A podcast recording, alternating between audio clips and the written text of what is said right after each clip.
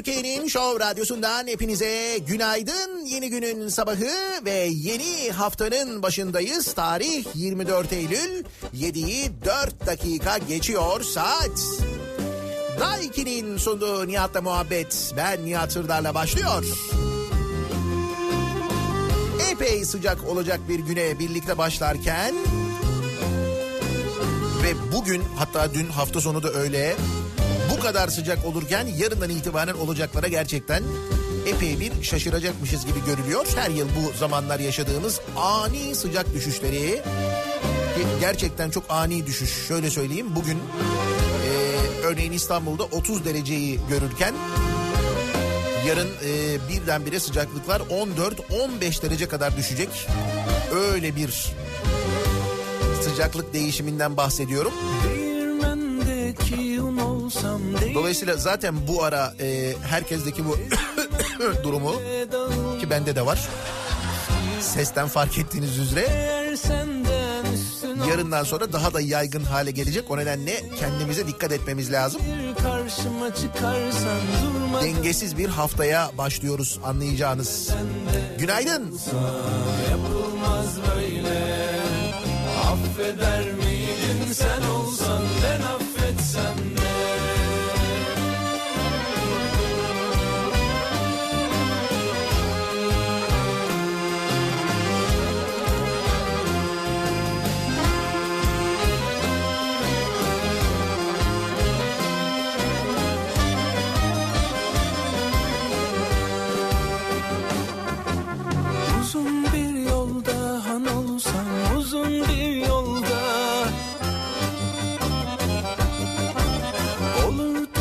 herkese yoldaş ederdim fayda. Sen bu yolda tek han olsan suyundan içmem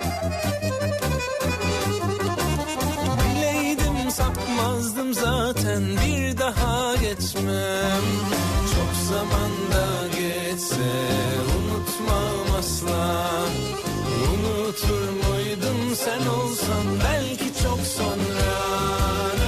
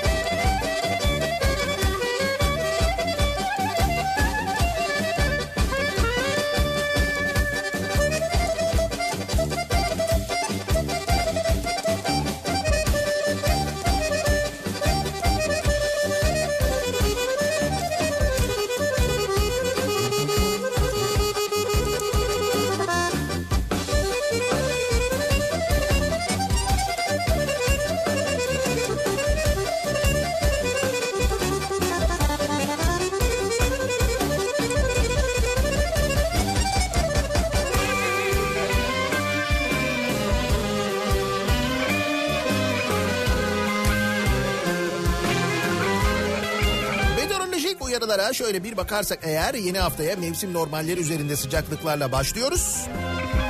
Gün içinde dediğim gibi sıcaklıklar 28 derecenin üzerini görecek. Hafta sonu İzmir'deydim.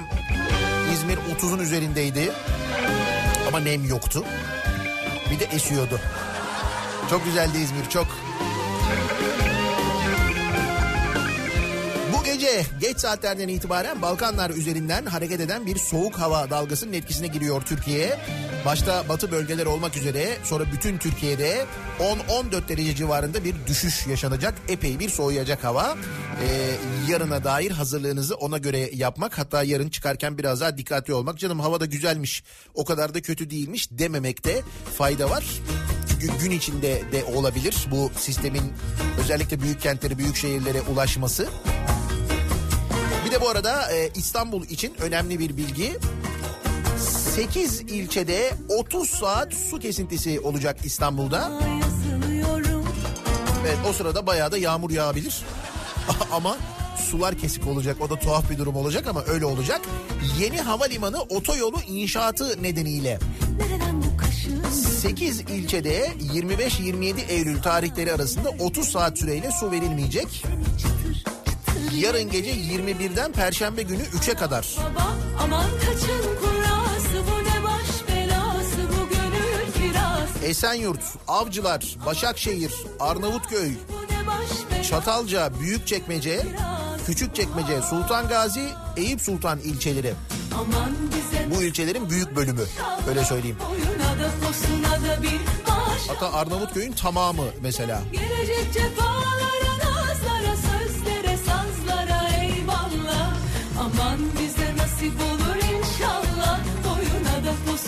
bin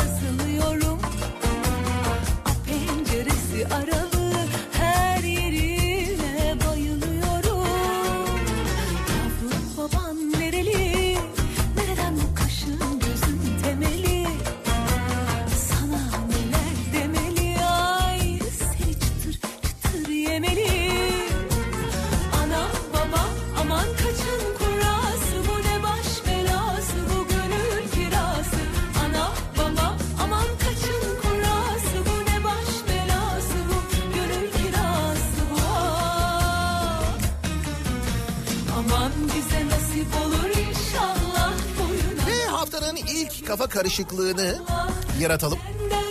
İlk kafa karışıklığıyla başlayalım çünkü birazdan okuyacağımız haberler, yapılan kimi açıklamalar zaten yeteri kadar kafa karıştıracak. Ve mevzunun e, kafa karışıklığından yani bir nevi psikolojiden kaynaklandığını hep beraber bir kez daha anlayacağız. Devlet büyüklerimiz zaten bunu çoktan anladılar da. Kriz psikolojik. Tabii o kesin yani. O noktaya geleceğiz. Kış saati uygulaması bu sene yani saatler geri alınacak mı alınmayacak mı? Ne demişlerdi geçen sene? Bundan sonra alınmayacak denilmişti. Fakat resmi gazetede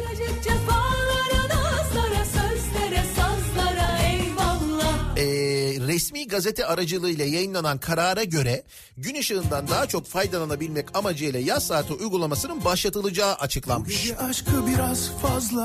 Ve bu uygulama kış aylarının akşam saatlerinde havanın erken kararması gerekçesiyle yurttaşlar tarafından eleştiri konusu haline gelmişti.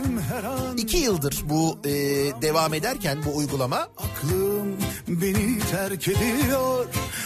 Güne özellikle karanlıkta başlama mevzuyla alakalı seni bir daha tartışmalar e, devam ediyordu ki gerçekten de öyle oluyor. Bulunduğumuz nokta, coğrafi olarak bulunduğumuz nokta, saatlerin geri alınmaması, yaz saati uygulamasından vazgeçmemiz gerçekten de günün aydınlanmasını epey geç saatlere bırakıyordu. Değil mi? Sekiz buçuğu, dokuzu falan görüyorduk. O saate kadar hava karanlık oluyordu. Yine öyle mi olacak? Şimdi resmi gazetede yayınlanana göre bu hafta pazar gecesi saat 4'te saatleri bir saat geri alacakmışız gibi görünüyor. Resmi gazetede öyle yayınlanmış. naralar atıp atıp aman adını göğsüme yazıp Ama e, işte Enerji Bakanlığı seni koynuma bir karar alıp bu gece İstanbul'u bilemiyorum Bakanlar Kurulu kararıyla mı olacak? Çünkü onunla ilgili bir yasal değişiklik de yapılmıştı geçen sene.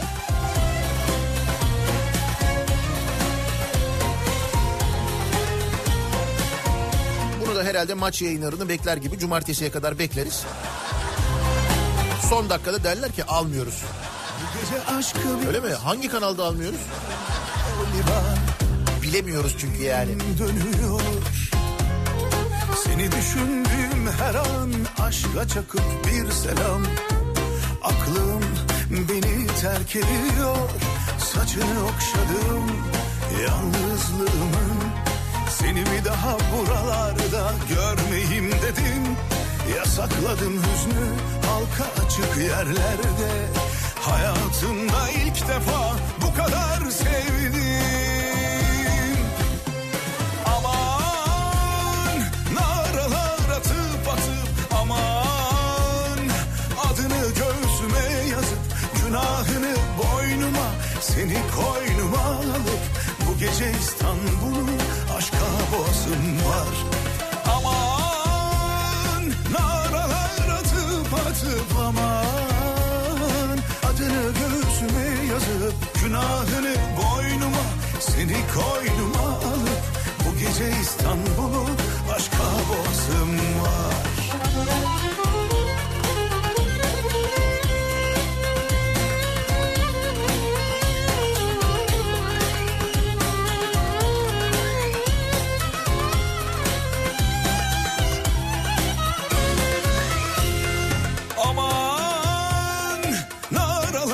kere biz soğuğun nereden geldiğini öğrenmeden üşümüyoruz. Önce onu merak ediyoruz diye bir tespiti var Zafer'in bence haklı. Mesela Balkanlar üzerinden gelen soğuk hava dediğimiz zaman o böyle çok şey yapmıyor. Çok da şey yapmıyoruz yani. Ha, Balkanlar üzerinden geliyorsa tamam canım yani hani falan. Ama mesela Sibirya üzerinden gelen dediği zaman zaten bir psikolojik olarak başta bir üşüyorsun. Böyle bir şey oluyor. Ama ben sana söyleyeyim yani 30 dereceden böyle birden 20 derecelere 15 derecelere falan inmek bu gece İstanbul'u üşütür. Hatta üşütmekle kalmaz. Bak şu araki e, böyle bir 5-6 derecelik sıcaklık değişimleri bile birçok hastalık e, yaratmış vaziyette E, bir soğuk algınlığı durumu var. Yani böyle bir salgın şeklinde de devam ediyor bir taraftan. Henüz grip değil daha grip zamanı başlamadı. Grip mevsimi daha değil ona daha var. Şu yaşadığımız şey soğuk algınlığı zaten de. Muhakkak birisinden bir Nihat Bey nasılsınız falan derken kesin ben de kaptım. Ay sabah uyandığımda o yutkunmak var ya nasıl zor biliyor musunuz? Ah böyle iki tane bıçak şey boğazlar çünkü iki bıçak var ya. Hani boğazlar olduğu için iki bıçak var. Bıçaklar yani. Bıçaklar böyle boğazlara saplanıyor gibi. Çatallanma başka bir şey. Bir müddet konuşunca çatallanma geçiyor. En azından bu hale geliyor yani. Bunlar iyi. Bu iyi durum zaten. Bende bu cehennem gibi yürek olmasa Bende deli rüzgar gibi hasret olmasa Bir de cana can katan o sevdan olmasa Sevdan olmasa Öyle soğuk moğuk yok. Dalga malga yok Nihat Bey. O kriz mriz yok değil miydi ya? Gerçi bir şey söyleyeyim mi? Böyle bir krizi inkar edebiliyorsak biz, ekonomik krizi, bence soğuğu da inkar edebiliriz ha. Hakikaten böylelikle ciddi söylüyorum bak nasıl olsa ya öyle yapmıyor muyuz abi? Kriz mriz yok diyoruz. Kriz olmuyor ya. Soğuk moğuk yok diyelim. Soğuk olmasın. Doğalgazdan yırtarız. Isınma masraflarından kurtulmuş oluruz. Süper yarından itibaren başlayalım. Soğuk moğuk yok.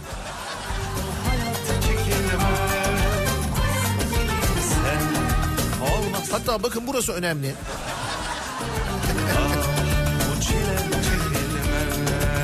Artık o da önemini kaybetti. Yani bakın burası önemli lafı da önemini kaybetti onu söylüyorum yani. Bakın burası önemli. Ha ne? Ne önemli ne?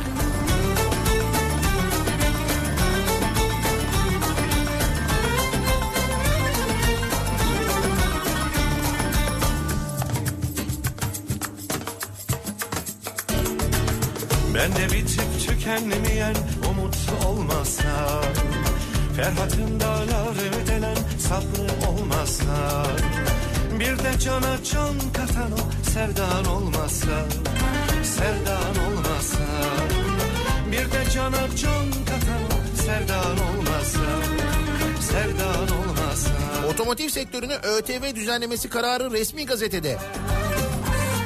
ÖTV matrah limitlerinin yeniden belirlenmesi ilişkin Cumhurbaşkanı kararı resmi gazetede yayınlandı.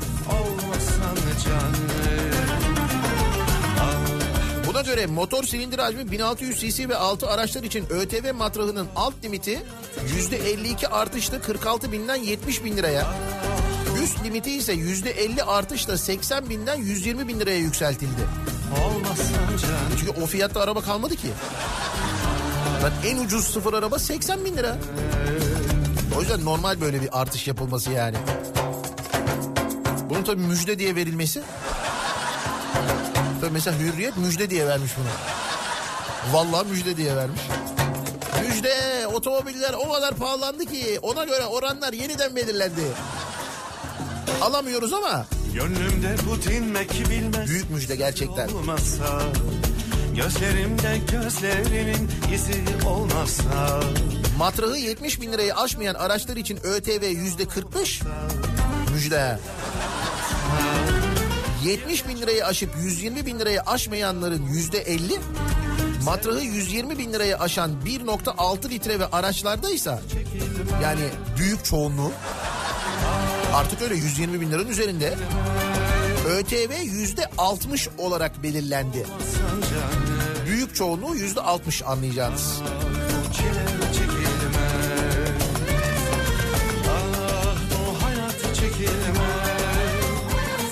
Bu arada çok e, çevreye de duyarlıyız ya.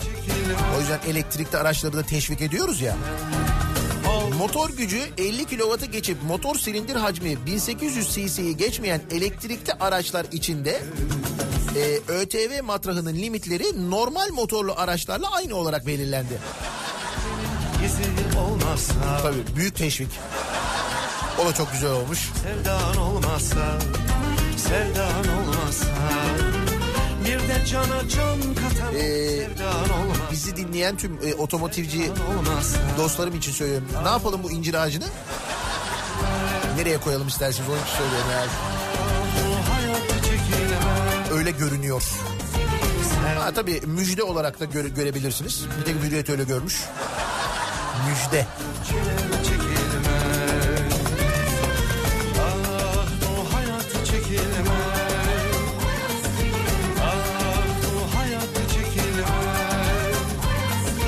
Bakalım bu müjdeye trafikte dinleyenler nasıl karşılık veriyorlar? Sabah trafiğinin son durumuna hemen şöyle bir göz atıyoruz. Otomobil sahibi olmanın yeni olayı, en kolayı Vankar yol durumunu sunar. Otomobil sahibi olmanın yeni olayı Vankar.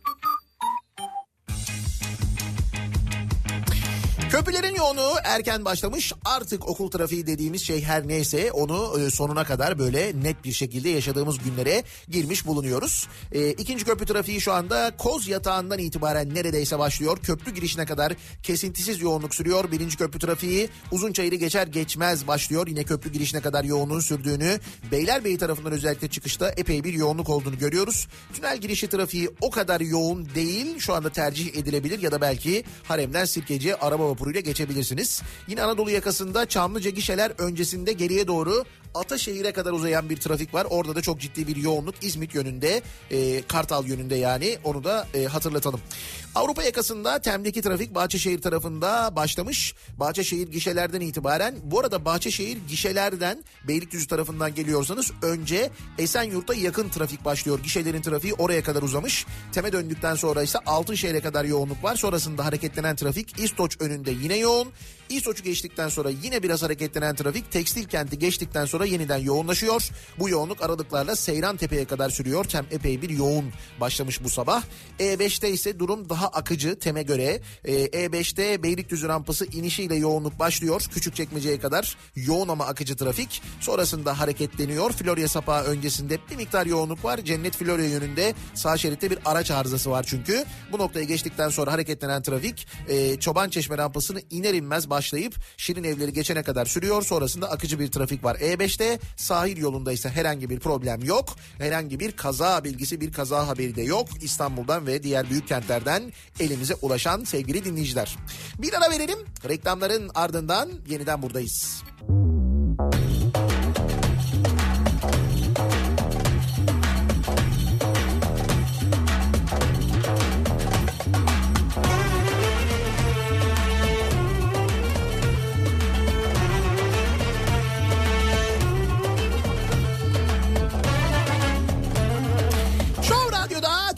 Show Radyosu'nda devam ediyor. Day 2'nin sunduğu Nihat'la muhabbet. Ben Nihat Sırdar'la 24 Eylül pazartesi gününün sabahındayız. 7'yi 29 dakika geçiyor saat. Girdin aramıza kara çalı gibi girdin aramıza Al kızını koy çuvala Al kızını koy çuvala Salla salla vur duvara Salla salla vur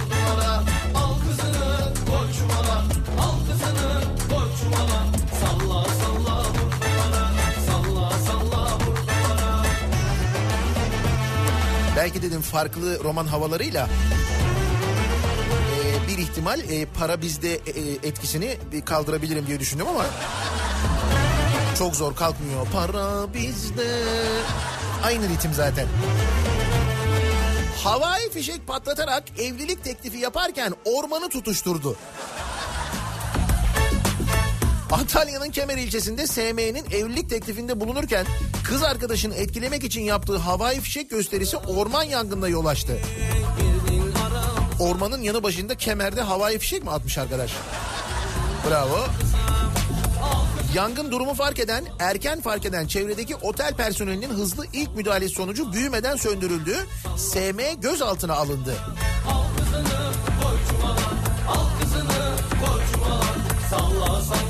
Yine de bu evlilik teklifinde ya da işte böyle doğum günü sürprizi yapayım falan derken şu hani e, küçük mumlardan e, yakarak onu böyle yatağının üzerine e, dizip kızın ismini yazıp bir e, görüntü çeken bir arkadaş vardı hatırladınız mı? Sonra yorganı tutuşturmuştu evde yangın çıkmıştı. Benim aklıma hep o geliyor ya. Gerçi bu da muazzam da. Bence bu daha muazzam. 48 yıldır sakladıkları sırrı eve gelen kargocu ortaya çıkardı. Gizli kahraman kargocular. Neyi ortaya çıkarmış kargocu? Trabzon'un Akçabat ilçesinde 48 yıl önce iddiaya göre kuzeni Veysel K'ya ait pasaporta ki Veysel K şu anda 81 yaşında. Veysel K'ya ait pasaporta kendi fotoğrafını yapıştırıp gittiği Almanya'da yıllarca çalıştıktan sonra emekli olan Musa K o da 85 yaşında. Kesin dönüş yaptığı memleketinde 48 yıl çalışmış. Başkasının pasaportuyla 48 yıl yaşamış adam Almanya'da. Yaşamış, çalışmış, gitmiş, gelmiş. Yeni pasaport almak isteyince yakayı ele verdi. Akçabat ilçesi Kaleönü mahallesinde oturan Musa K ve kuzeni Veysel K 1970 yılında Almanya'ya işçi gitmek için başvuruda bulundu. Veysel K'nın başvurusu onaylandı. Musa K'nınki reddedildi. İddiaya göre o dönem hastalanan kuzeniyle anlaşan Musa K, Veysel K'nın pasaportuna kendi fotoğrafını yapıştırarak Almanya'ya gitti. Almanya'da bir fabrikada işe giren Musa K yıllarca Türkiye'ye gelip gitti. Ancak pasaportundaki sahtecilik fark edilmedi. Yıllarca dediği 48 yıl. Almanya'da emekli olan Musa K 15 yıl önce yurda kesin dönüş yaptı, memleketine yerleşti. 3 yıl önce Almanya'da yakınlarını ziyaret etmek isteyen Musa K, kuzeni Veysel K adına yeni pasaport başvurusunda bulundu. Onaylanan pasaportun teslimi için haber bekleyen Musa K yerine kargo yetkilileri Veysel K'nın torunu Mustafa K'ya ulaştı. Mustafa K'nın kargo personeline dedesinin pasaport başvurusu olmadığını söylemesi üzerine durum polise bildirildi. Ve sahtecilik ortaya çıktı. Aslında bu hikaye çok daha enteresan olabilir ha. Biraz araştırılsa.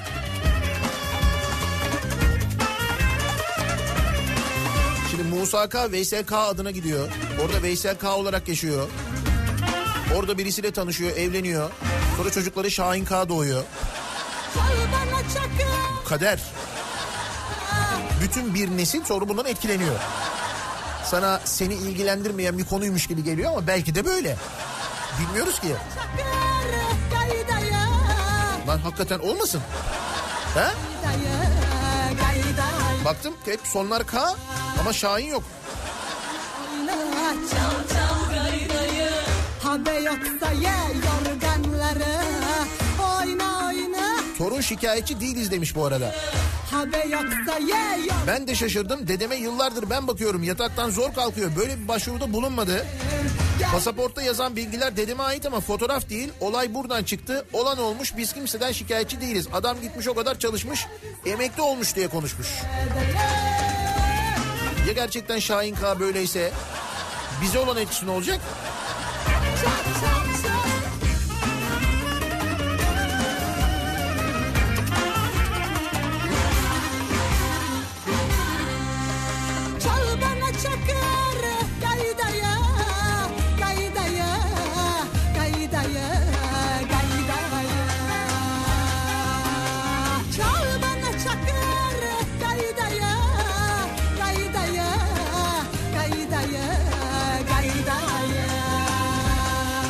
Bolu'da Milli Eğitim Müdürlüğü'ne bağlı okullarda 450 kişinin işe alınması ile ilgili çekilen kurada aynı isimler birden fazla kez çıkınca tartışma yaşanmış. Abi artık kurada bile usulsüzlük var ya. Gerçi kurallarda usulsüzlük olduğu falan hep söylenir. Düşünsene Şampiyonlar Ligi kuralları çekilirken bile olduğundan bahsediliyor. Şimdi Bolu Milli Eğitim'in kurasında mı olmayacak yani? Ama orada adamlar işte sıcak top, soğuk top bilmem ne falan yapmışlar. Bizde hiç öyle bir şey yok. İncelikli değil yani.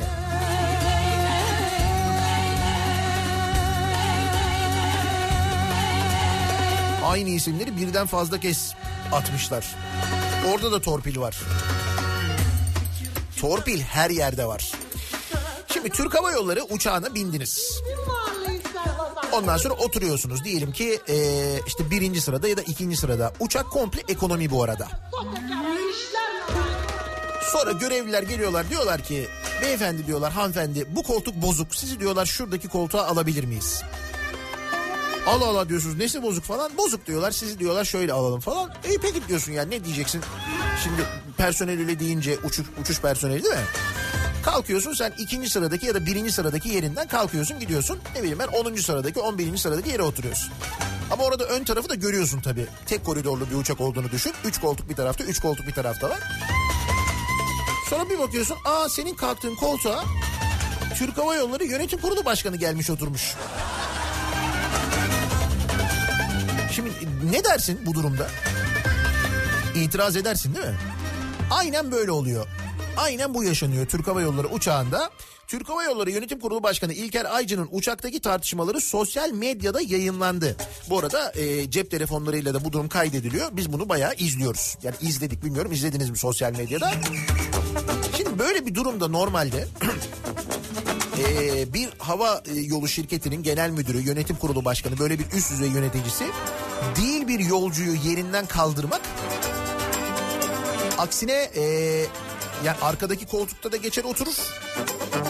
Gerekirse e, hostes koltuğunda oturur. Ama yolcuyu rahatsız etmez değil mi? Müşteri veli nimettir. Önce onların e, konforu gelir. Hatta arkada oturarak yolcularla sohbet eder. Bu bir de daha da şey görünür, görünür değil mi insanlara? Bak görüyor musun Türk Hava Yolları Yönetim Kurulu Başkanı bizim aramızda oturuyor, arkada oturuyor falan denir. Peki böyle mi oluyor? Hayır böyle olmuyor. Koltuk bozuk deyip arkaya aldıktan sonra oraya İlker Aycın oturduğunu görünce e, yolcu kendisine yalan söylendiği için tepki gösteriyor. Türk Hava Yolları Yönetim Kurulu Başkanı da diyor ki şova gerek yok diyor. Şova gerek yok demiş. Vallahi bak ciddi söylüyorum aynen böyle demiş. O nedenle e, akışımızı değiştirerek bu şarkıyla devam edelim. Sonra diğerine döneriz yeniden yani. Vallahi böyle oluyor ya. Türk Hava Yolları uçağında böyle bir şey yaşanıyor. Dün yanılmıyorsam yaşanmış hadise. Nasılız? İyiyiz değil mi? Hepimiz başkanız. Başkanım saygılar. Başkanım oturacak. Koltuk bozuk. Bir zahmet. Başkan olmak mühim.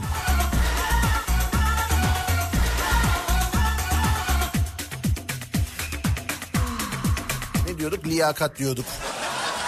İşi bilmek diyorduk. Tecrübe diyorduk falan değil mi?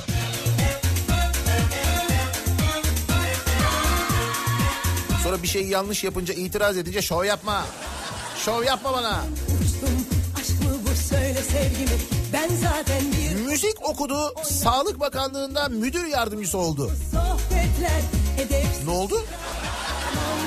Lisans ve yüksek lisansını müzik eğitimi bölümünde yapan Erciyes Üniversitesi Genel Sekreter Yardımcısı Talat Hakan Erdem, Sağlık Bakanlığı Yönetim Hizmetleri Genel Müdür Yardımcısı olarak görevlendirildi. Şarkı söyleyerek tedavi vardı değil mi? Yani müzikle tedavi diye bir şey var benim bildiğim. Belki onunla alakalıdır hani. Ama bu müdür olmuş. Genel müdür yardımcısı olmuş.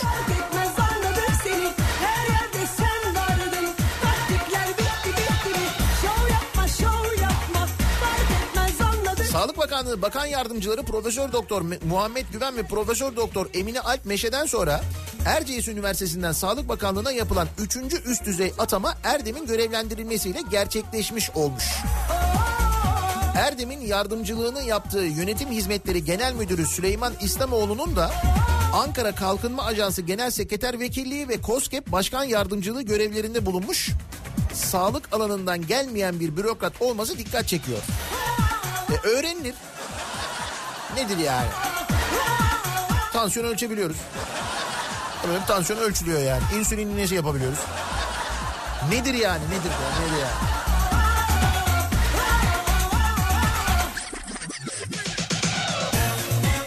Şov yapmayalım bu konuyla ilgili lütfen. Şov yapmayalım yani. Sen uçtun ben uçtum Aşk mı bu söyle sevgimi Ben zaten bir hoştum Oynattın 2700 yıllık antik kentin üzerine alışveriş merkezi yapılıyor. gençler mangal 2700 yıl diyor. Üzerine diyor alışveriş merkezi diyor. Süper. Mudanya'da 2700 yıllık antik kent üzerine AVM yapılmasına imar barışı kapsamında ruhsat verildi. AVM'nin inşaat çalışmalarına geçtiğimiz gün itibariyle başlandı. Koca Mudanya'da başka alışveriş merkezi yapacak yer yokmuş. 2700 yıllık kentin üzerine mi yapıyorlar? Üstelik bu, e, bu, bu mevzu yeni bir mevzu değil hatırlayacaksınız. Orada böyle bir antik kent ortaya çıkınca inşaat çalışmaları sırasında inşaat durdurulmuştu. Konu mahkemeye taşınmıştı. Mahkeme yürütmeyi durdurmuştu. İnşaatı engellemişti. Niye engellemesin? 2700 yıllık antik kent diyorsun sen ya. Adamlar 300 yıllık 500 yıllık bir şey buldukları zaman fanusun içine falan alıyorlar. Şehrin neresinde olursa olsun. 2700 yıllık antik kent diyorum. Adam gitmiş imar barışına başvurmuş ya. Belediyeden mecbur ruhsat vermek zorunda kalmış.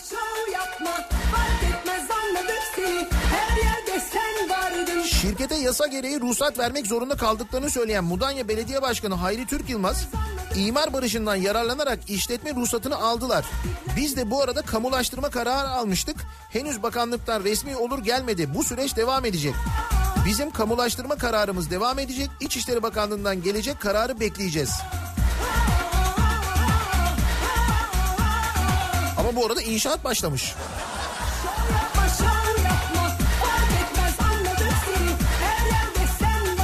Kim yapıyormuş diye bakıyorum da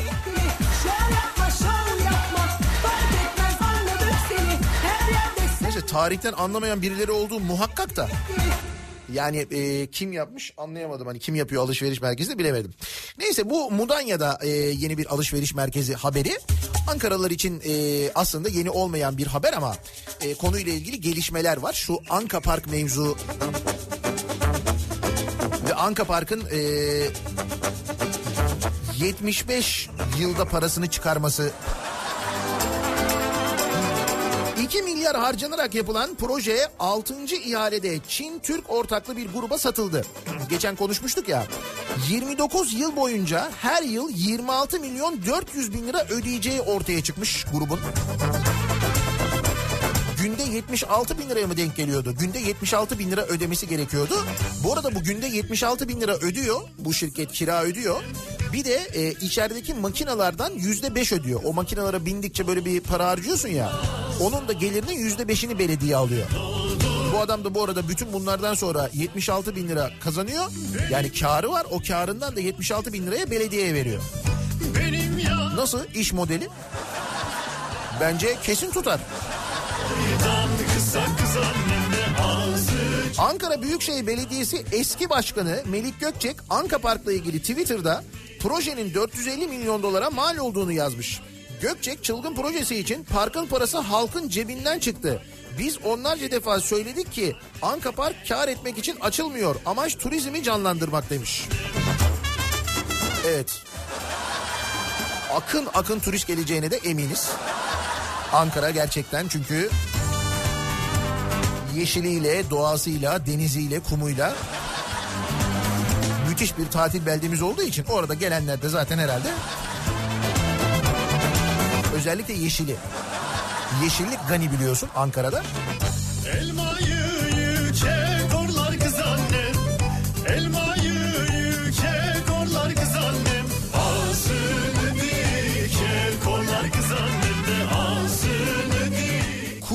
kurda teslim ettiler.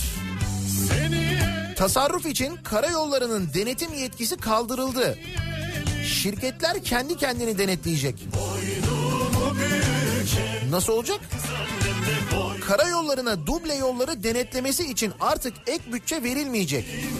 Kontrolün yolları yapan firmalara bırakılmasından endişe ediliyor. Şimdi karayolları bir yere yol yaptırıyor. Sonra o yapılan yolu yani parasını vererek yol yaptırıyor. Sonra yapılan yolu normalde karayollarına gidip denetlemesi lazım değil mi? Bakayım bunlar nasıl yapmışlar diye. İşte o denetlemeler için karayollarına bütçe verilmeyecekmiş. Ee, işi yapan firmaya mı vereceklermiş? Bu yollar denetlenmediği zaman örneğin demir yolları bir de üstelik düşün e, demir yolları denetlenmediği zaman demir yolunda görev yapan demir yollarında görev yapan bekçiler bütçe yok para yok diye görevden alındıkları zaman neler yaşadığımızı gördük değil mi? Bu arada yolların bu hali denetlenmiş hali. Düşün ki hiç denetim yok. Bundan sonra ne olacağına eee, işte artık siz karar verin. Belki biz denetleyeceğiz, haber vereceğiz. Biz haber verince merak etme. Biz hemen ilgileniyoruz. Hemen ilgileniyoruz. Anında kaymak gibi yapıyoruz orayı diye. Belki de böyle olacak. Böyle bir sistem çalıştırılacak yani. Tasarruf ediyoruz baya baya ya. Değil mi? Şimdi bütçe yok. Karayollarına bununla ilgili para verilmediğine göre niye para verilmiyor? Demek ki tasarruf ediyoruz. Ondan para verilmiyor herhalde.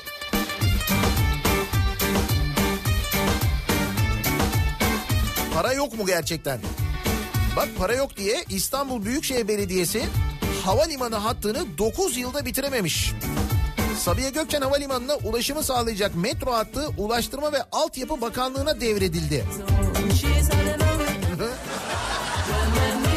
Bu da güzel iş ha. Belediye olarak başlıyorsun. Ondan sonra diyorsun ki vallahi para yok ya. Yani bunu Melik Gökçek çok iyi yapıyordu. İnşaata başlıyor bitiremiyor bakanlığa çakıyor ondan sonra da havasını atıyor ama açılışta en önde o. Bak gördüğün gibi İstanbul'a da sirayet etmiş durum. İstanbul Büyükşehir Belediyesi müteahhitin parasını ödeyememiş gerçekten de ben bunu duymuştum zaten. O yüzden çalışmalar durmuştu. Şimdi bakanlığa devrolmuş.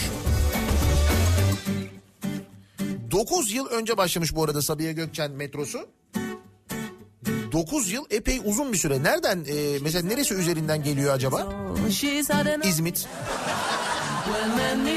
Kadıköy metrosu bağlanacak çünkü değil mi? Orada Kadıköy'den gelen metroyu oraya biz bağlayacağız.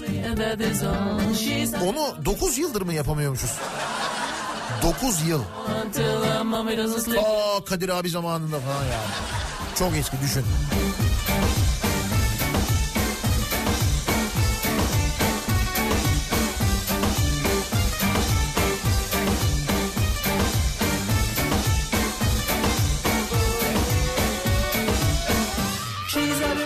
Doları sollayan domates 7 lira. Nasıl domates 7 lira mı? Ya biz 2 liraya almıştık ya.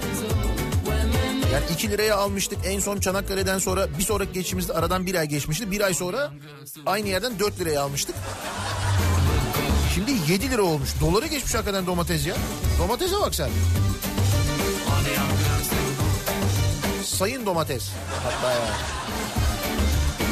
Tavuk eti yüzde 200 zamlandı. Tavuk eti kırmızı etle yarışıyor. 9 ayda yüzde 200'ün üzerinde zam gelmiş tavuk etine.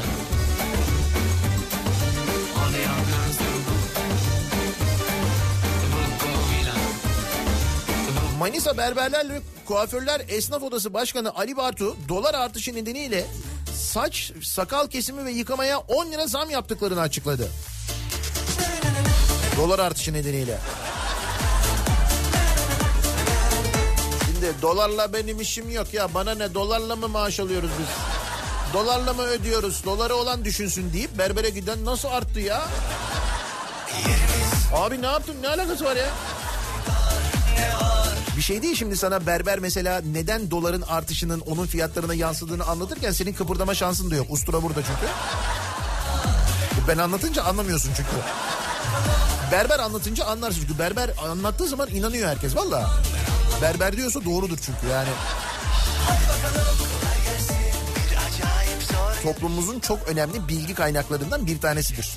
Berberler, mühim. Başkanlık uçağını satıyor. Kim satıyor? Alalım hemen. İlgileniyoruz. Ben hemen şey yapayım. İlgileniyoruz biz. Meksika Cumhurbaşkanı ne yapmakta, nereye varmak istemektedir? Öyle yazmış bir gün. Yoksulluğun olduğu ülkede lüks bir uçağa binmekten utanırım diyen Meksika Başkanı Obrador, kibirli davranan siyasetçinin ömrü uzun sürmez demiş. Demek ki işi bilmiyormuş. Seçilmiş ama. Meksika'da Temmuz ayında açık açık bak Temmuz ayında seçilmiş daha yeni o yüzden bilmiyor. Meksika'da Temmuz ayında açık ara farkla zafer elde ederek başkan seçilen Andreas Manuel Lopez Obrador kötü hava koşulları nedeniyle tarifeli uçakta 3 saat beklemesine rağmen yine de başkanlık uçağını satmakta kararlı olduğunu söyledi. Anlamadım. Ee, Meksika Devlet Başkanı tarifeli uçağa binmiş. Kötü hava koşulları yüzünden tarifeli uçakta 3 saat beklemiş. O sırada gazetecilerin sorunlarını yanıtlamış. Videosu var e, internette görürsünüz. Orada konuşuyor. Tarifeli uçağa binmiş diyorum adam. Bir de exit koltuk vermişler. Vallahi bak exit'te oturuyor. Birinci sırada oturanı kaldırmamışlar. E, koltuk bozuk bir zahmet geçerseniz arkaya falan diye. Oraya başkanımız oturacak. Şov yapmamış enteresan. Ha bu arada uçak demişken merak edenleriniz olabilir diye söylüyorum ki merak etmekte de haklı olabilirsiniz. O kadar alıyoruz, ediyoruz, bakımını yapıyoruz, onu yapıyoruz, bunu yapıyoruz. Cumhurbaşkanı Birleşmiş Milletler toplantısına katılmak için Amerika'ya gitti. Acaba dedim 747 ile mi gitti? Çünkü büyük hava olurdu biliyor musun? Yani gerçekten Amerika başkanında yok uçak ya. Bak ne diyorum sana Amerika başkanında eski tip 747 var. Bizimki yeni. Acaba dedim onunla mı gitti? Baktım gazetede haber var onunla gitmemiş. Ee, 2017'de Tunus'tan alınan Airbus 340-500 tipi TC Can uçağıyla gitmiş. 4 motorludur 340'lar. Ee, Devrik Tunus liderinin yaptırdığı çok da binemediği bazı e, yerlerinin altın kaplama olduğu söylenen fakat uçağa binen gazeteciler tarafından fotoğraflanamayan sıkıyorsa fotoğraflasınlar. Ee, o uçakla gitmiş yani. 747 ile gitmemiş yani. Hani merak ediyorsanız diye söylüyorum. Merak etmeyiniz.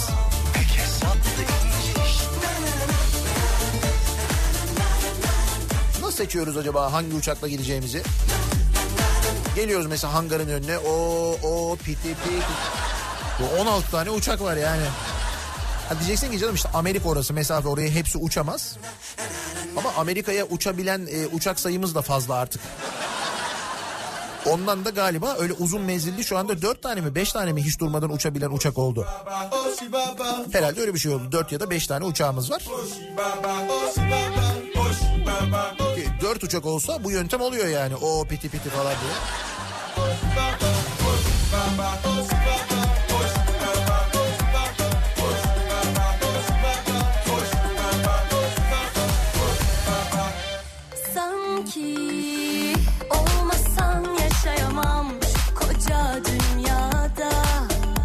Katillere piyango.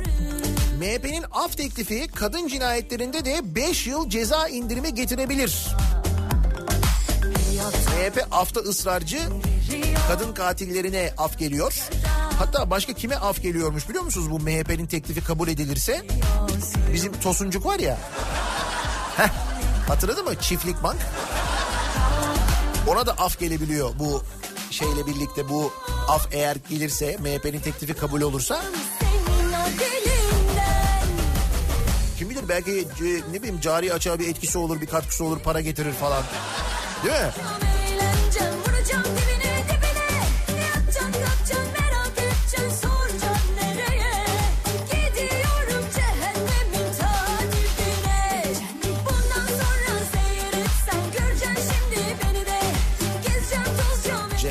Gideceğim diyor. Arada da soruyor geleceğim mi diyor.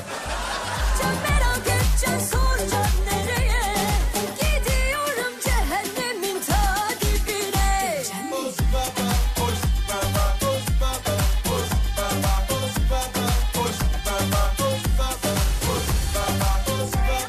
Bakan Gül ekonomik sıkıntılar psikolojik demiş. Heh. Adalet Bakanı Abdülhamit Gül Türkiye'de ekonomik ekonomik sorunların birlikte çözüleceğini belirterek Türkiye'de yaşanan tüm bu sıkıntıların daha ziyade rasyonel değil psikolojik olduğunu görüyoruz demiş. Yani ekonomik kriz neymiş? Rasyonel değilmiş, psikolojikmiş. Misal az önce okuduk Manisa değil mi? Manisa Berberler ve Kuaförler Esnaf Odası Başkanı Burada saç sakal kesim ve yıkamaya 10 lira zam yaptıklarını açıklamış. Yani buradan neyi anlıyoruz? Manisa Berberler ve Kuaförler Esnaf Odası ve onun üyelerinde psikolojik bir sıkıntı var. Çünkü rasyonel değil yani zam yapmaları saçma. Bu neden kaynaklanıyor? Psikolojilerinin bozuk olmalarından kaynaklanıyor. Demek ki hala yeteri kadar depresan kullanmıyoruz. Orada da bir eksikliğimiz var. Onun için diyorum acaba mesela içme sularına direkt su şebekesine böyle sıvı olarak Ama bence bu yöntem güzel ha. Bak şimdi mesela geçtiğimiz hafta sonu bilmiyorum e, haberiniz oldu mu? İsmail Devrim ismini duydunuz mu? Oğluna okul kıyafeti alamadığı için intihar etti İsmail Devrim biliyorsunuz değil mi? Sonra ne oldu? Valilik açıklama yaptı. Dedi ki efendim e, onun intiharı psikolojik sebeplerden. Bununla ilgili değil dedi valilik. Onun ne şeyse yani ne üstüne vazifeyse valiliğin açıklamaya bak. Valilik senin neden intihar ettiğini de buluyor, tespit ediyor. Anında açıklamasını da yapıyor yani. Ailesi söylüyor ya. Karısı söylüyor, eşi söylüyor, anlatıyor adamın. Ama bak aynı kelime psikolojik diyor. Ne diyor Adalet Bakanı? Diyor ki ekonomi ekonomik kriz diyor, psikolojik diyor, rasyonel değil bu diyor. Valilik diyor ki psikolojik diyor. Ki böyle bir e, çözüm buluyoruz biz ekonomik krizle ilgili ve bundan sonra bu şekilde mücadele edeceğiz. Peki başka hangi sorunlarımız sizce aslında e, psikolojik olabilir diye biz de dinleyicilerimize soruyoruz. İşte ekonomik krizle alakalı Adalet Bakanı diyor ki bu diyor rasyonel değildir. E, bu sıkıntılar e, psikolojiktir. Psikolojik olduğunu görüyoruz diyor. E, dolayısıyla konu başlığımızı da böyle belirliyoruz. Psikolojik bu sabahın konusunun başlığı. Konuyla alakalı özellikle bizi dinleyen psikolog dinleyicilerimizden, psikiyatr dinleyicilerimizden de elbette tespitler bekliyoruz. Başka hangi sorunlarımız sizce aslında psikolojik olabilir diye dinleyicilerimize soruyor. Böylelikle konuları bu şekilde çözüyor. Sıkıntıları, krizleri bu şekilde aşıyoruz.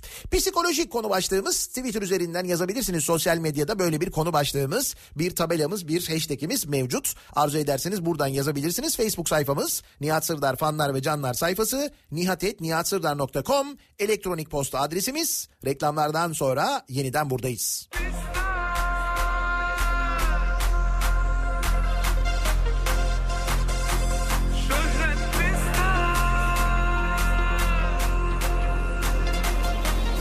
Show Radyo'da Türkiye'nin Show Radyosu'nda. Daiki'nin sunduğu Nihat'la muhabbet. Ben Nihat Sırdar'la devam ediyor. Pazartesi gününün sabahındayız. 8'i 3 dakika geçiyor saat.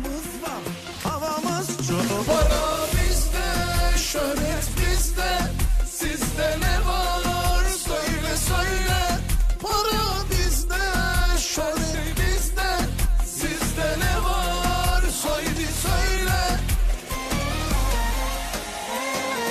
Para bizde, şöhret bizde. Peki niye böyleyiz? Psikolojik.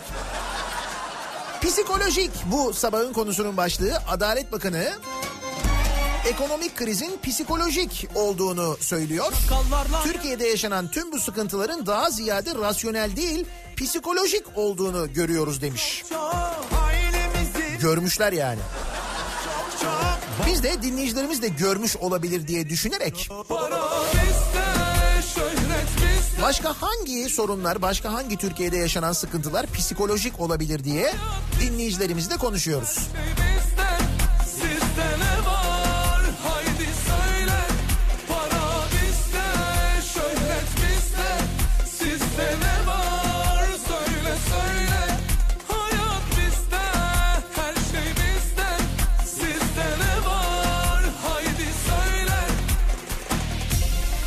Halbuki böyle şarkılarla psikolojimizi düzeltebilir. Paranın gerçekten bizde olduğuna inanabilir. Tabii bunlar psikolojiyi düzelten, insan psikolojisine etki eden şarkılar olduğu için ben de sorumlu yayıncılık gereği Bence seyyar satıcılar dış güçlerin ajanı. Sebze meyve fiyatlarını yükseltip halkımıza psikolojik savaş açtılar ama bize bunlar sökmez diyor Zeki. Buyurun. Pazartesi sendromu rasyonel değil psikolojik. Tabii de rasyonel olmaması da mühim burada o önemli. Rasyonel olmayacak psikolojik olacak. Böyle sorunları soruyoruz bu sabah konuşuyoruz.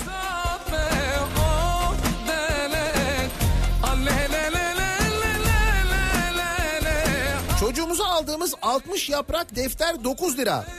Etiketin altında daha yepyeni eski etiket var 7 lira. Ama nedir? Psikolojik. Tamamen psikolojik. Zihnimizin bize minik pembiş oyunları.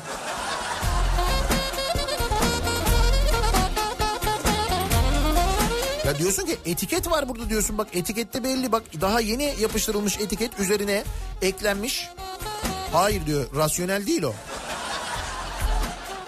Rasyonel sayılar. Bak yine geldik mi aynı hikayeye? Ne oldu? Hocam bu rasyonel sayılar bize ne işimize yarayacak gerçek hayatta? Ah bak gördün mü? Yarıyor muymuş yaramıyor muymuş? Faydasız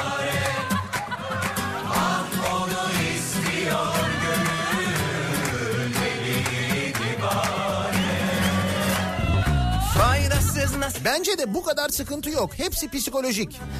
Eğer evden çıkmazsak, bir şeyler yemek için pazara inmezsek, arabamız olmazsa, işimiz de olmazsa, çalışmadan para kazanırsak bence de psikolojik. Bak farkında mısınız? Yavaş yavaş çözüyoruz. Ne güzel.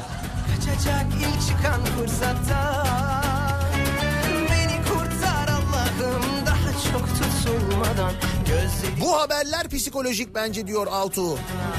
İşçinin maaşını devlet ödesin. Ankara Sanayi Odası Başkanı Nurettin Özdemir sanayicinin maaşları ödeyemez duruma geldiğini söylemiş. Alakası yok psikolojik. Ne demek ödeyemez duruma gelmişler? Sanayicinin psikolojisi bozuk demek ki. Demek ki sanayicinin de gerektiği kadar antidepresan kullanmadığını öğreniyoruz değil mi? Buradan. İşçi çıkarmamak için maaşların 6 ay süreyle işsizlik fonundan ödenmesi gerektiğini söylemiş Ankara Sanayi Odası Başkanı.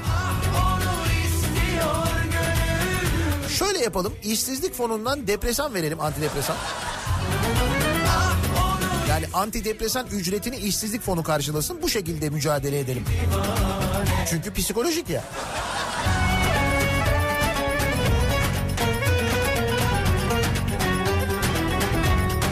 Tekstil sektörü bitti. İnşaat İnşaat sektörü sürünüyor. Bütün patronlar faize yatırıma başladı. Galiba bu da psikolojik. Yüzde 25 galiba değil mi şu anda? Yüzde 25 mi 26 mı faiz? Psikolojik. Rasyonel değil yani. Yani parayı yatırıyorsun, faizi alıyorsun ama rasyonel değil.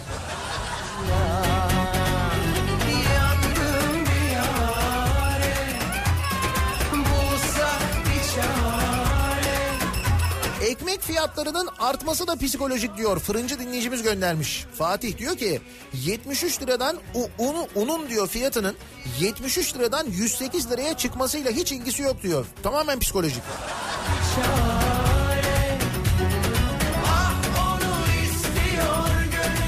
E psikoloji şimdi unun fiyatının 73 liradan 108 liraya çıktığını görünce senin fırıncı olarak psikolojin bozuluyor. Gidiyorsun ekmeğe zam yapıyorsun. Yapma. Bu da senin psikolojinle alakalı yani. Bana ne ben maaşımı unla mı alıyorum? Hiç. Bak farkındaysanız inkar ettikçe krizden uzaklaşıyoruz. İşe yarıyor yani. Yandım bir yare Bulsak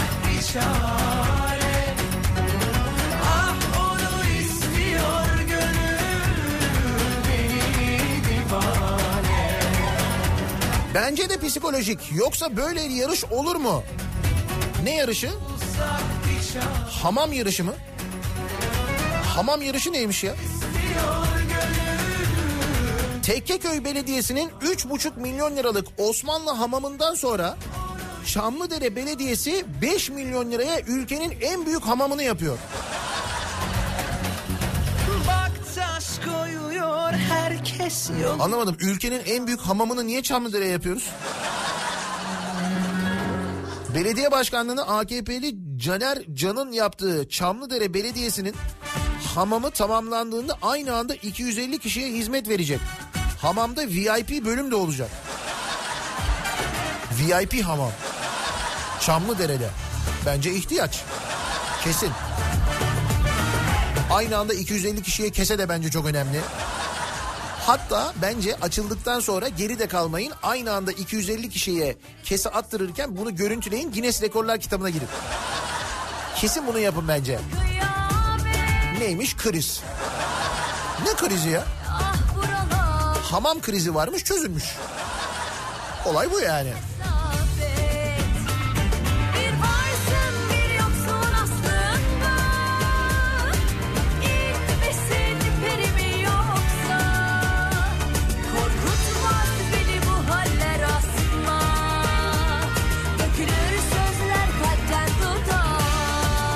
Şarbon hastalığı da psikolojik. Malum et fiyatları çok yüksek olduğu için insanlar ayda bir kırmızı et yiyor.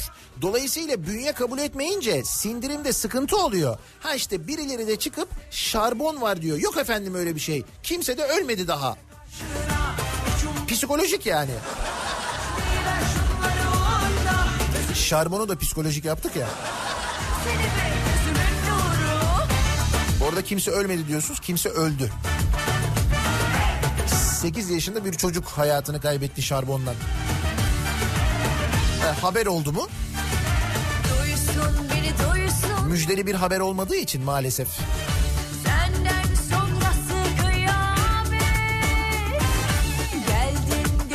Ah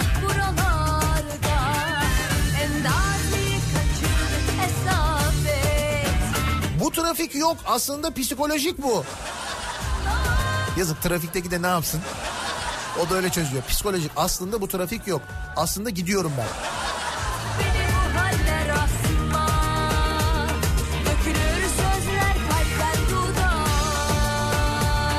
Arabanın deposunu doldururken verdiğim 350 TL tamamen psikolojik. Aslında pompacı 100 lira abla diyor ben 350 lira veriyorum. Allah beni ıslah etsin. Delisiniz yani. 100 lira diyor 350 veriyorsunuz saçma.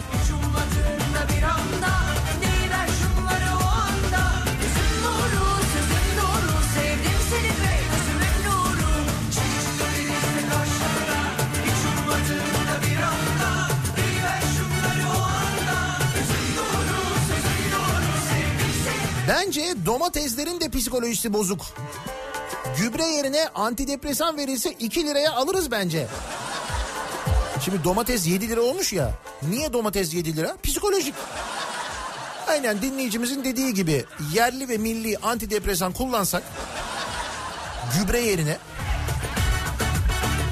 domatesin de psikolojisi düzelecek, domatesin de fiyatı düşecek.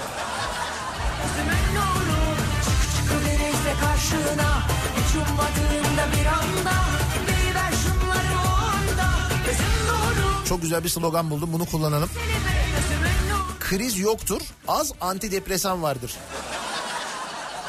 Bence bir sonraki aşamada bu söylem kullanılabilir. Yani Sayın Bakan tabii daha iyi bilir ama.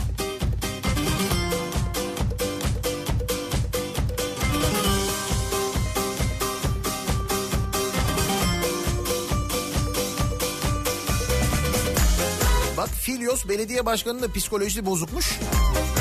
Kendine ait binanın iki katını kaçak çıkmış. Gördün mü? Neden? Bu da psikolojik ama bunun çözümü var. İmar barışı. Belediye başkanı kaçak kat çıkmış. Zonguldak İdare Mahkemesi Filyos Belediye Başkanı Ömer Ünal'ın şirketine ait 6 katlı binanın iki katının yasalara aykırı olarak inşa edildiğine karar verdi. Hatırladınız değil mi? Bu denizin dibinde böyle denizin kenarında kocaman bir bina vardı. İşte o bina.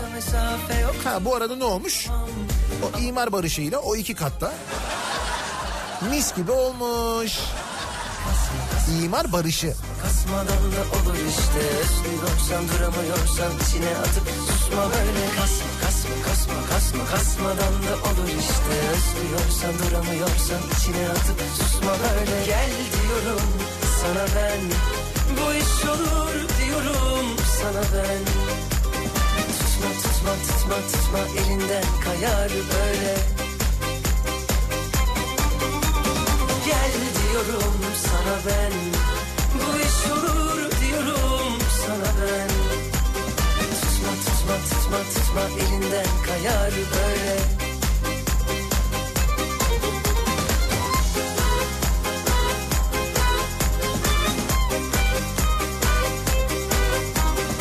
Psikolojik aslında kaşık yok. No spoon. Bence dolar vurgunu da olmamıştır. Psikolojiktir o. Ne olmuş? Dolar vurgunu ticari sır olmuş. Merkez Bankası dolar vurgununu ticari sır saydı. Banka krizi fırsata çevirerek 1 milyon doların üzerinde işlem yapan şirketleri rekabet şartları zarar görür diye açıklamamış. Biliyor musun? Açıklasın da psikolojimiz mi bozulsun? Öğreneceğiz bizim psikolojimiz bozulacak. Açıklayacaklar şirketlerin psikolojisi bozulacak. E, elinde dolar olanın psikolojisi bozulacak. Dolar olmayanın psikolojisi bozulacak. Ne gerek var? En güzelini yapmış Merkez Bankası. Mis. Gel diyorum sana ben Bu iş olur diyorum sana ben Tutma tutma tutma tutma elinden kayar böyle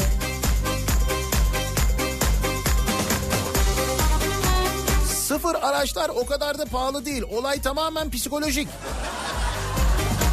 Endişe etmeyin. Otomobil fiyatların artmasına bağlı olarak ÖTV matrahları da artırılmış.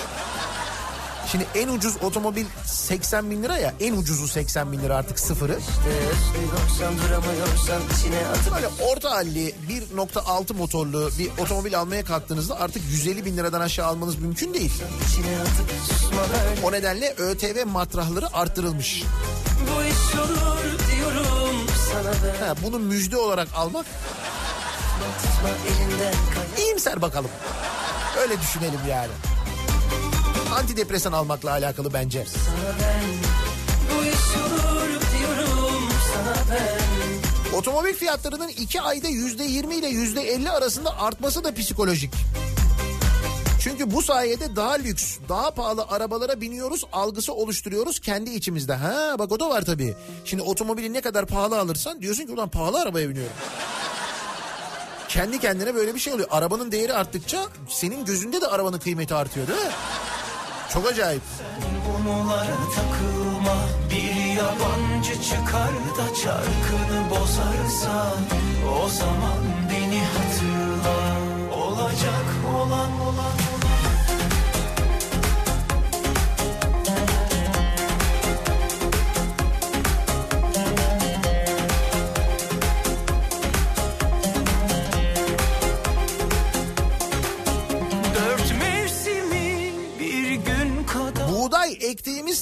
tarlamız e, karı masrafı karşılamadığı için yıllardır boş. Bir çuval un 108 lirayken bizim tarlamız boşsa demek ki bizim sıkıntımız da psikolojik.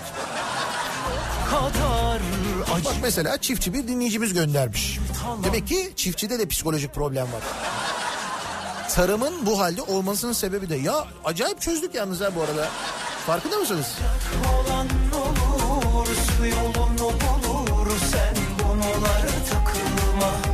yabancı çıkar da çarkını bozarsa O zaman beni hatırla. Olacak olan olur Su yolunu bulur. Sen konulara takılma Bir yabancı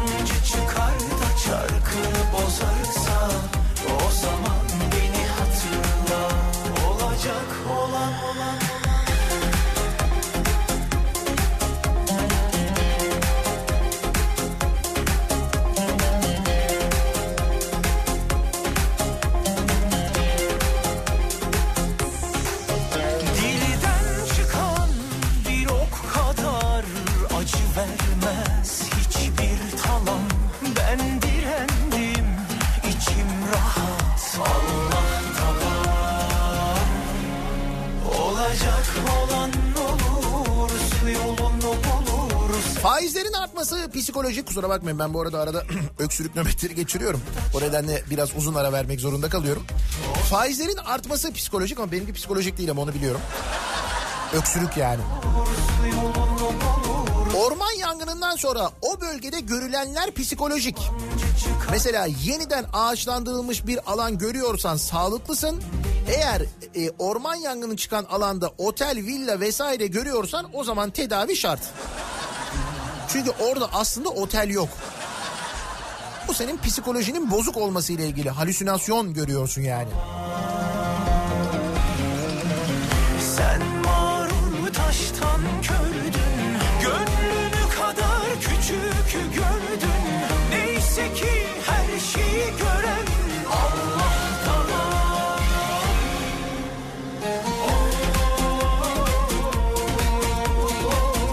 Psikolojik ve irasyonel zam. Bu millet ne yapsın? Döviz arttı, tuvalete yüzde elli zam geldi.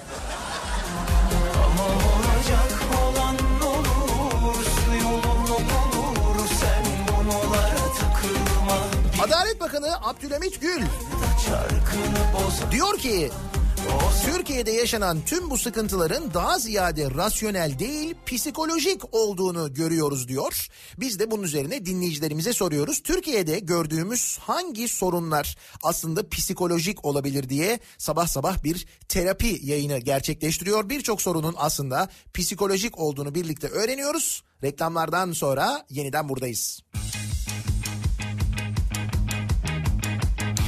Pazartesi gününün sabahındayız. Trafikle ilgili son duruma hemen şöyle bir göz atıyoruz. Ee, köprülerdeki yoğunluk sürüyor. Ataşehir'den başlayan ve köprü girişine kadar devam eden bir ikinci köprü trafiği mevcut. Birinci köprü trafiği Uzunçayır'dan itibaren e, yoğun yani köprülerdeki yoğunluk e, azalmadan devam ediyor. Bir saat öncesine göre bir değişiklik yok. Hatta daha yoğunluk var. Yine Anadolu yakasında D100 üzerinde E5 üzerinde Göztepe'den geriye doğru trafik Maltepe'ye kadar uzamış ve adım adım ilerliyor. O kadar ciddi bir yoğunluk var. Temi kullanmak daha mantıklı olabilir. Şayet birinci köprü yönünde gidiyor miktar kuyruk olduğunu görüyoruz.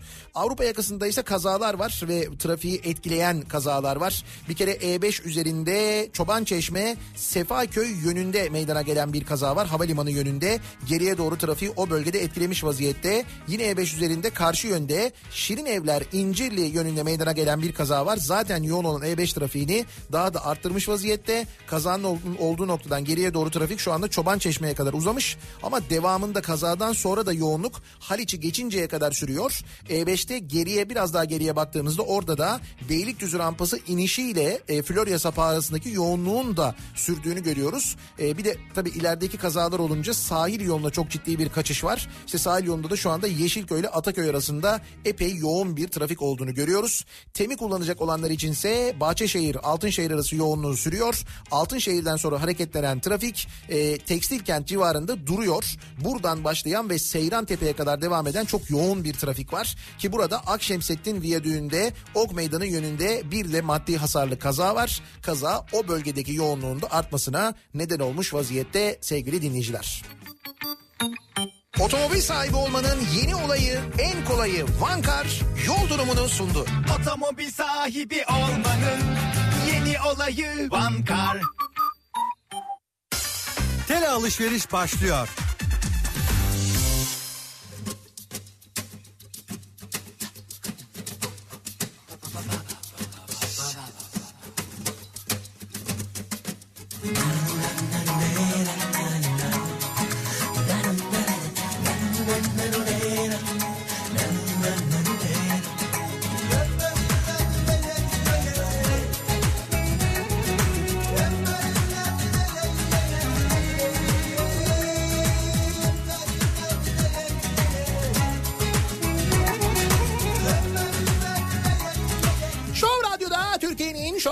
Radyosu'nda devam ediyor. Daiki'nin sunduğu Nihat'la muhabbet. Ben Nihat Sırdar'la güneşli ve sıcak bir İstanbul gününün sabahından gün içi epey sıcak olacak bir İstanbul gününün sabahından sesleniyoruz. Havalar bugün de sıcak tadını çıkarın yarından sonra Balkanlar üzerinden gelen soğuk havayla üşümeye başlıyoruz. Yani hafta sonu Ankara'ya geldiğimizde Ankara ayazıyla yeniden Kucaklaşacağız herhalde değil mi? Özlemiştik canım zaten. Cumartesi Ankara'dayız. Şura salonundayız. Bütün kazlar toplandık isimli gösterimizde Ankara'ya geliyoruz. Şöyle bir iki saat, iki buçuk saat e, mizahi terapi yöntemiyle psikolojik sorunlarımızı çözmeyi elbette e, vaat etmiyoruz. Ama işe yarıyor. En azından bir iki saat unutuyoruz, eğleniyoruz, gülüyoruz. Ankaralıları bekleriz.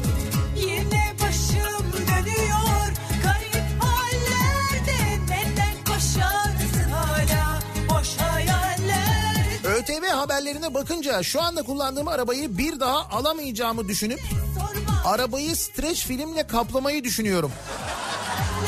İşte bu da psikolojik.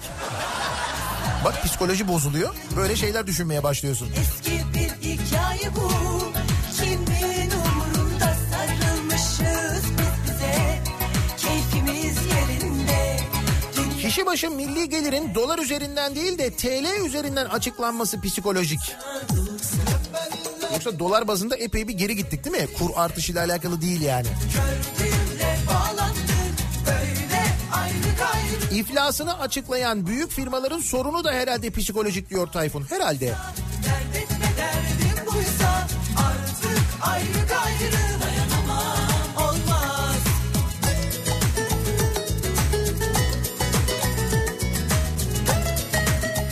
Bebek beşiği yapıyoruz diyor bir dinleyicimiz. Demirin fiyatı bir boy 14 liradan 29 liraya yükseldi. Beşik almayan ana babalar psikolojik e, bir be- beşik almayan anne babaların psikolojik bir sorunu var herhalde. Bebeği koltukta yatırıyorlar. Bu ne yani diyor. Bebek bu bebek diyor ya. Bebeği beşikte yatıracaksınız diyor. Ama işte bu arada beşiğin fiyatının neden arttığını da anlatıyor. Evet anne babaların da demek ki psikolojilerinde biraz sorun var. Herhalde.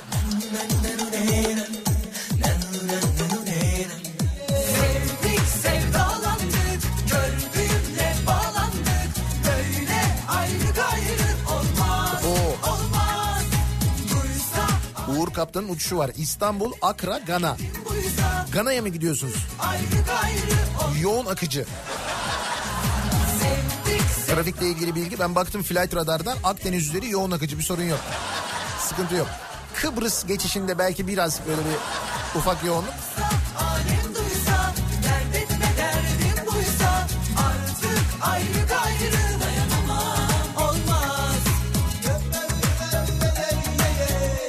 Bence Katar şeyhinin de psikolojisi bozuk. Satmaya çalıştıkları 450 milyon dolarlık uçağı ilgilendik diye bize hediye etmeleri tamamen psikolojik. Dur dur onun altından daha neler çıkar.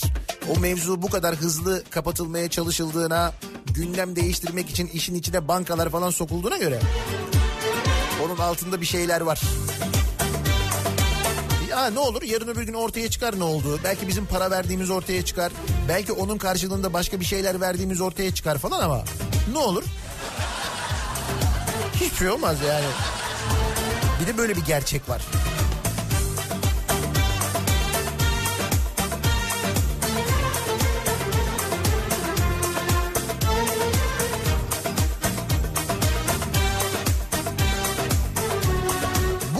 Uydu, GPS, navigasyon cihazı varken kıblenin yönünü bulamamak psikolojik olabilir mi? sürüne sürüne sürüne kapımı çalacak 81 ile kıble uzmanı alınıyormuş. Diyanet İşleri Başkanlığı kıble yönü doğru hesaplan, hesaplasın diyerek 81 ilde kıble uzmanı görevlendirmeyi kararlaştırmış. ya 81 ilde. Sürüne sürüne sürüne kapımı çalacak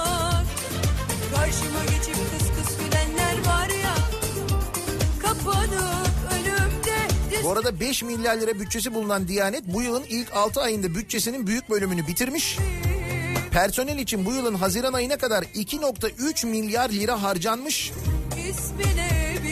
O nedenle ek bütçe talep etmiş. Artık seni bağ 5 milyar TL bütçesini bitirmiş Diyanet. Bükeceksin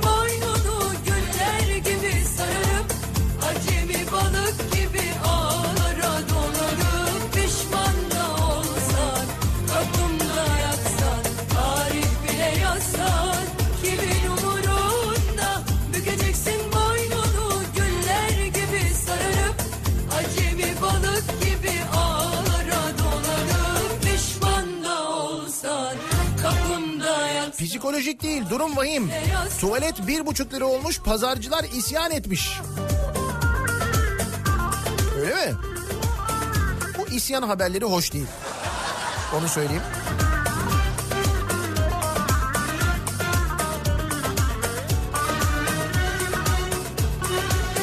İzmir'de Mistral Tower Kulesi'nin camlarının kopup düşmesi, aşağıdaki araçları parçalaması, ve kule camlarından ses gelmeye başlaması. Bununla ilgili güvenlik tedbirleri alınması psikolojik. Yoksa kimse malzemeden çalmamıştır. Şimdi İzmir'de bir gökdelen var. Bu gökdelenin cam camı düşmüş. Yukarıdan hatta fotoğrafını da göndermişler. Camlardan sesler geliyormuş öyle mi? Bak bu psikolojik olmayabilir ha. Yani altından geçerken dikkat edin diye söylüyorum. Sürüne sürüne kapımı çalacak. Karşıma geçip kıs kıs gülenler var ya. Kapanıp önümde diz çöküp ağır.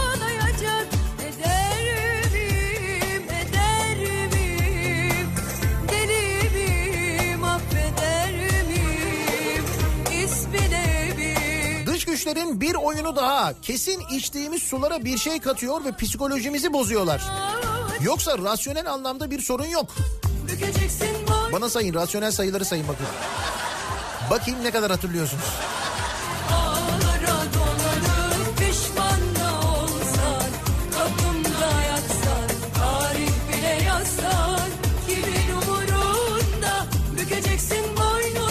Aslında toplu taşıma araçlarında oksijen var ama almak istersek alırız. Psikolojik olarak kendimizi hazır hissetmiyoruz. Ondan almıyoruz yoksa alırız yani. Oksijen diyorsunuz değil mi? Rahip Branson'da unutuldu. Demek ki o da psikolojikmiş. Bak olabilir ha. Bir de şimdi Adalet Bakanı'ndan gelince o psikolojik açıklaması. Kapımda yatsan, tarih bile yazsan, kimin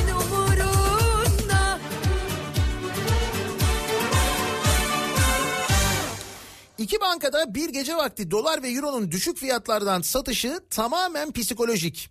Olay tam olarak antidepresan kullanan bir grubun dövizi görmek istediği fiyattan görmesiyle alakalı.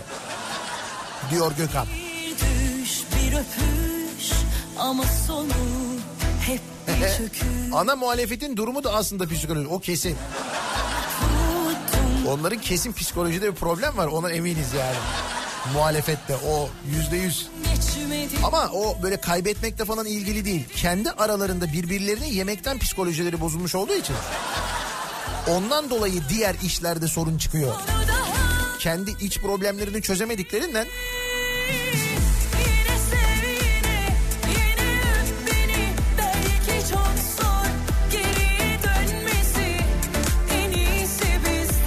200 bin liralık konut kredisinin geri ödemesinin 832 bin lira olması da psikolojik.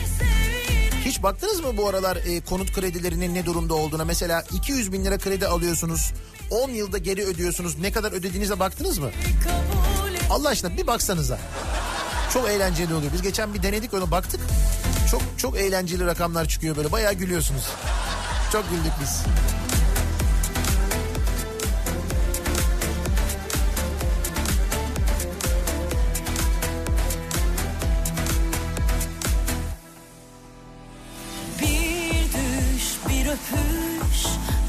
sonu hep bir çöküş. Ortaokullar için matematik yardımcı kitabı almak üzere kırtasiyeye gittik diyor İlker. Abi kitap yok ama gelecek dedi. Ne zaman gelir dedim. Abi yayın evi kağıt bulur bulmaz basacak dedi. Dedim ki senin bu söylediğin tamamen psikolojik. Tabii canım ne demek kağıt yok ya? Kağıt yok olur mu? Öyle şey olur mu ya? Kağıt yok neymiş yani? Kağıt yok kitap basamıyoruz. Allah Allah. Psikolojik. Belki çok zor geriye dönmesi en iyisi bizdi kabul etmeli. Yine Saman ithali de psikolojik. Belki hayvanlar yerli saman yemiyor. Evet belki hayvanın hayvanın psikolojisi bozuk olduğu için yerli saman yemiyor olabilir. O yüzden ithal getirmek zorunda kalıyor olabilirler. Hayvanın tercihidir bu. Ne alakası var bunun krizle falan?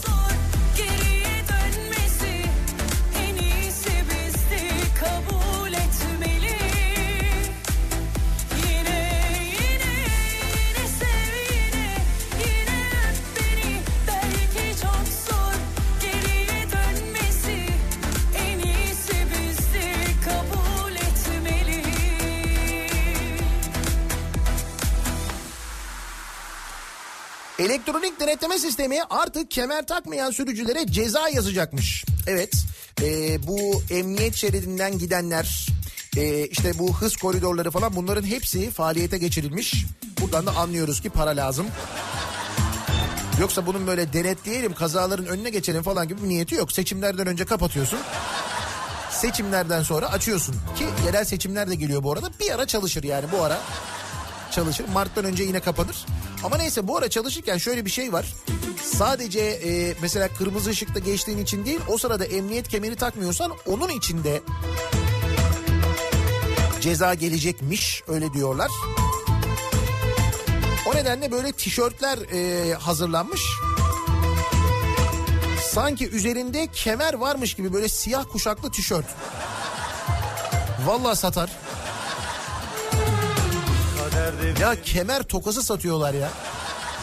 Kemer takmayayım da takmadığım zaman araba ötmesin diye kemer tokası satıyorlar yani. Adama anlatamıyorsun ya bu senin hayatını koruyor. Ama biz çok iniyoruz biniyoruz. Ne olur kad ne kadar seni zorlayabilir ki o kemeri takmak çıkarmak ne kadar yani. Senin hayatından mühim mi ya? yanıyor Ölmek üzereyim Otopsi raporumu al Görmek üzereyim Canım yanıyor aman ha Ölmek üzereyim Otopsi raporumu al Görmek üzereyim Aşk dediğin parayla olmaz Bizde sevda Asgari ücretle geçinememek tamamen psikolojik. Sonuçta simitin fiyatı belli, peynirin fiyatı belli. Değil mi? Gerçi simide de yeni zam geldi ama olsun. Al aşkını sok gözüne gözüne Görüşmeyelim güzelim Üstüme gelme alkollüyüm istemeden Motorlu araçlardaki ÖTV psikolojik. Yoksa net bedeli 50 bin lira olan arabaya neden 205 bin lira vereyim ki ben? Bence ben de psikolojik olarak sorunluyum diyor. Tabii canım. Fiyatı 50 bin lira olan arabaya niye 200 bin lira veresin yoksa? Bildiğin delisin yani.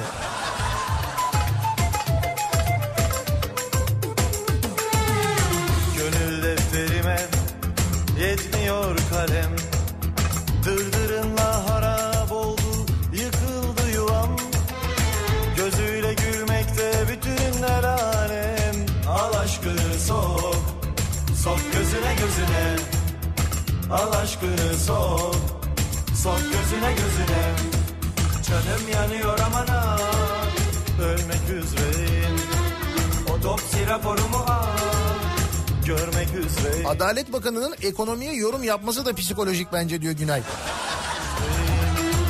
Tabii öyle demeyelim yani. Görmek üzere Sizi dinlerken kendi kendime gülüyorum. Psikolojim bozuk mu yoksa düzeldi mi? Bu da göreceli. Bu konuda da garanti veremiyorum. Bir şey diyemiyorum. Al aşkını sok gözüne gözüne Görüşmeyelim güzelim Üstüme gelme alkollüyüm Sonra kötü üzerim Al aşkını sok gözüne gözüne Tabii ki bütün bu yaşadıklarımız psikolojik. Hem acaba kaç tanemiz at biniyor? Bugün burada ok atanlar falan kendi hayatlarına bunları katabiliyor mu? At, destan, borcam. Bunların hep doktor bey bir saniye geliyorum. Bunların hepsi bir saniye geliyorum ya. İğneye ne lüzum var? Bir saniye. Atımı getirin bana. Ee, burası önemli. Yani burası önemli. Atı buraya bağlayın manasını söylüyorum. Bakın burası şurası. Tam şuraya bağlayın. Yayından sonra atla gidiyorum ben artık. Öyle yapacağım bundan sonra. Psikolojime de iyi gelir diye düşünüyorum. Onun için yapıyorum.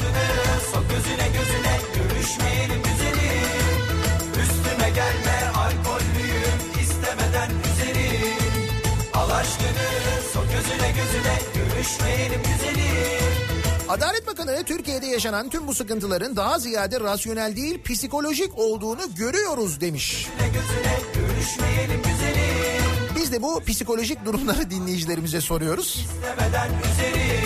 Doktor Bey reklam arası verip hemen geliyorum. Bir ara veriyoruz. Reklamlardan sonra buradayız. Al aşkını sok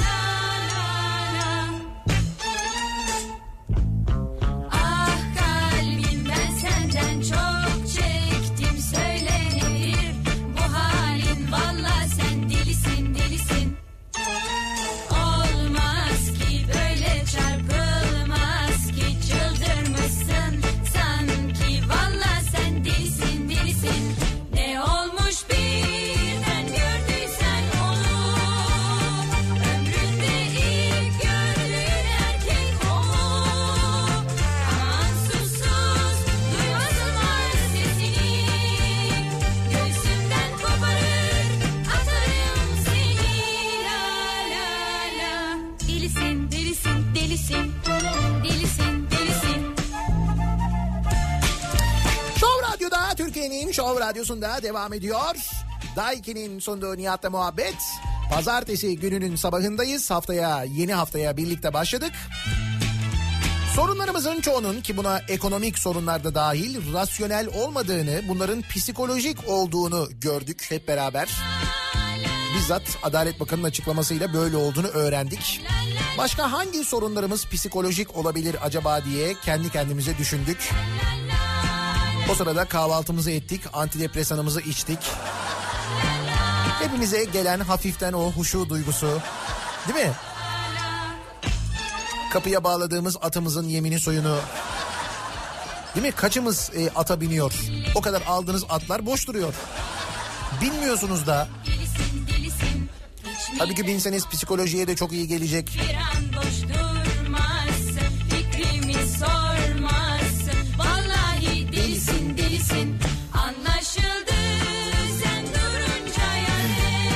Birazdan Kripto Odası başlayacak. Güçlü Mete Türkiye'nin ve dünyanın gündemini sizlere aktaracak. Akşam 18 haberlerinden sonra eve dönüş yolunda ben yeniden bu mikrofondayım. Tekrar görüşünceye dek güzel bir hafta, güzel bir gün geçirmenizi diliyorum. Hoşçakalın. Delisin